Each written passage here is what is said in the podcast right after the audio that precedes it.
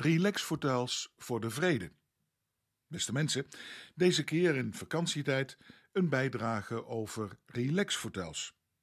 Nee hoor, niet meteen bedoeld als reclamespot voor de mooie relaxfotels die we bij de Dion verkopen. En als u wilt, ook net als in die tv-spotjes met die al of niet bekende Nederlanders, bij je thuis kunnen brengen voor een heerlijk, blijvend, relaxed vakantiegevoel. Nee, de directe aanleiding was een foto van een van die leveranciers van diezelfde hotels, waar we al generaties lang zaken mee doen. Vol trots lieten ze namelijk zien tientallen van die fraaie relaxhotels klaarstaand voor verzending naar een van de hotels in Duitsland waar de wereldtop van de G7 bij elkaar kwam deze week.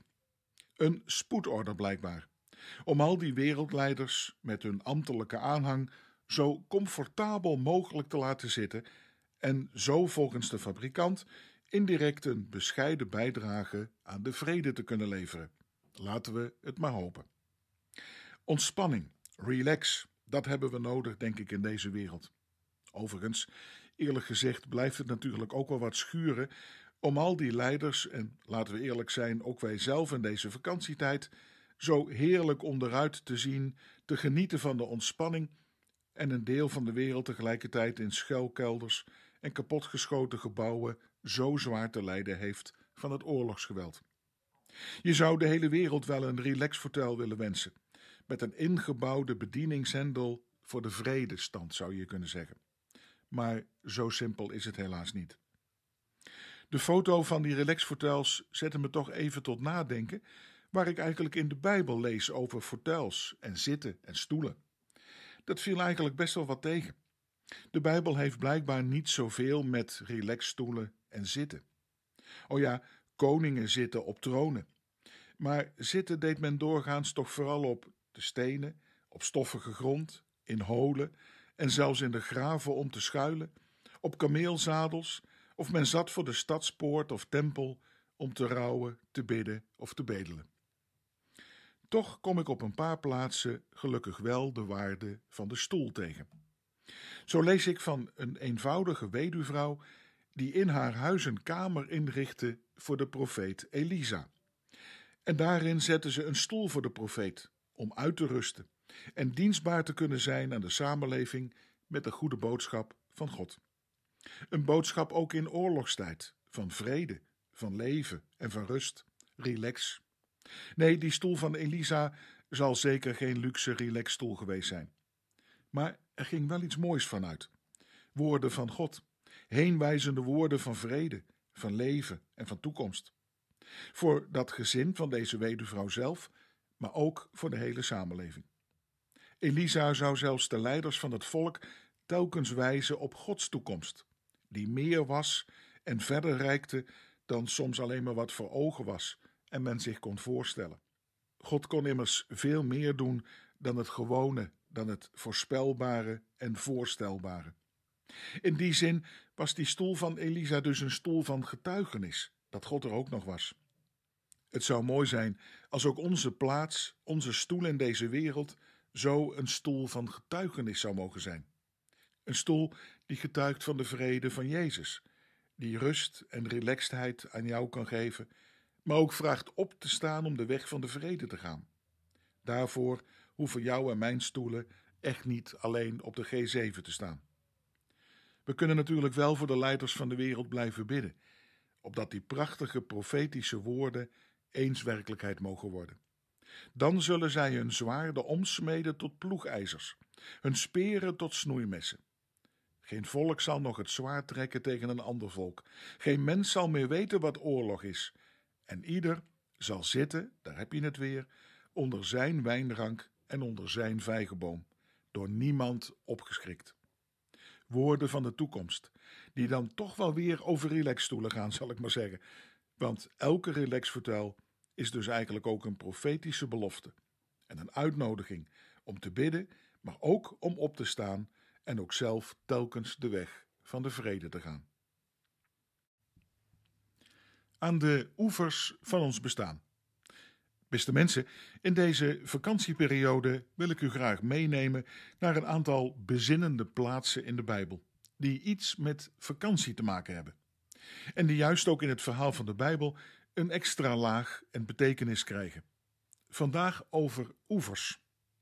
Op vakantie zoeken we immers graag ontspanning en verkoeling juist op de grens tussen water en land.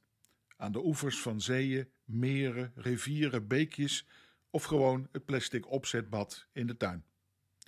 De inspiratie voor deze aftrap over oevers vond ik vorige week in Zeeland, aan de oevers van het Noordzeestrand. We komen zelf graag aan het strand op de scheidslijn tussen land en zee, waar je ook nooit precies een lijn kunt trekken in die vaak heerlijk grillige branding, die soms niet of toch onverwachts wel voor natte voeten zorgt. Een plek waar je je gedachten en zorgen heerlijk door de golven mee kunt laten nemen, naar verre oorden en diepe wateren. Hoewel je ook beseft dat ze in een volgende golf zomaar weer kunnen aanspoelen, maar volgens mij toch altijd dan iets minder heftig. De oever van het strand prikkelt je fantasie tot het bouwen van kastelen, het verbergen of opgraven van schatten, maar leert ook over onze kwetsbaarheid en tijdelijkheid van het bestaan als de golven je maaksels zomaar weer kunnen overspoelen.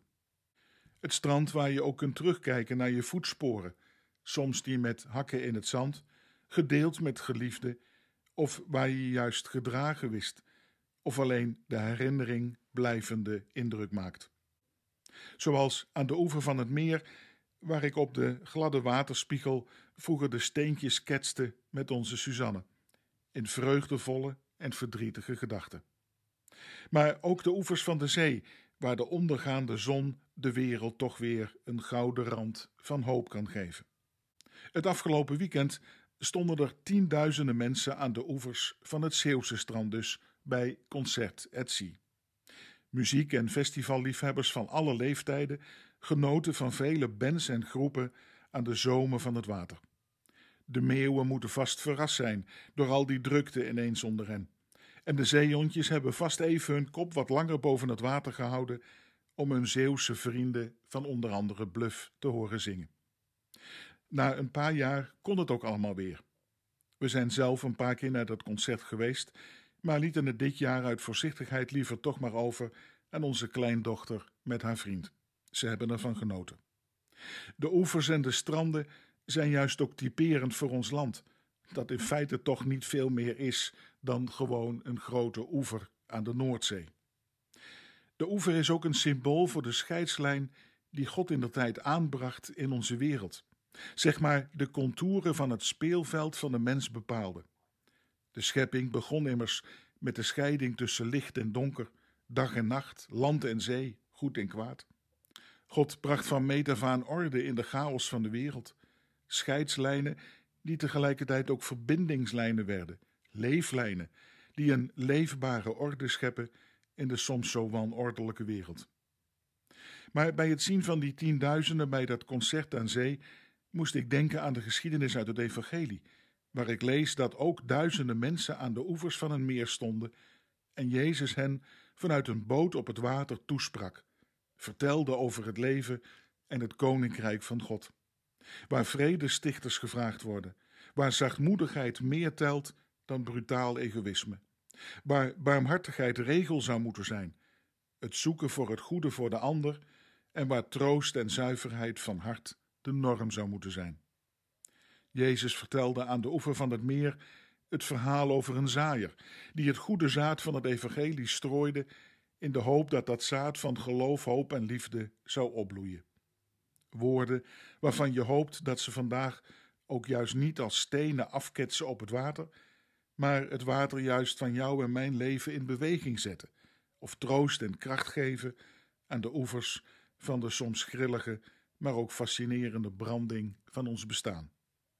Mijn droom is om nog eens op zondagmorgen na afloop van dat concert, wellicht vanaf een boot, een mooie, inspirerende openlucht Zeeuwse kerkdienst te houden. Wie weet. De oevers van het strand doen immers ook dromen dromen. Maar getuigen kun je natuurlijk ook gewoon aan de rand van de keukentafel.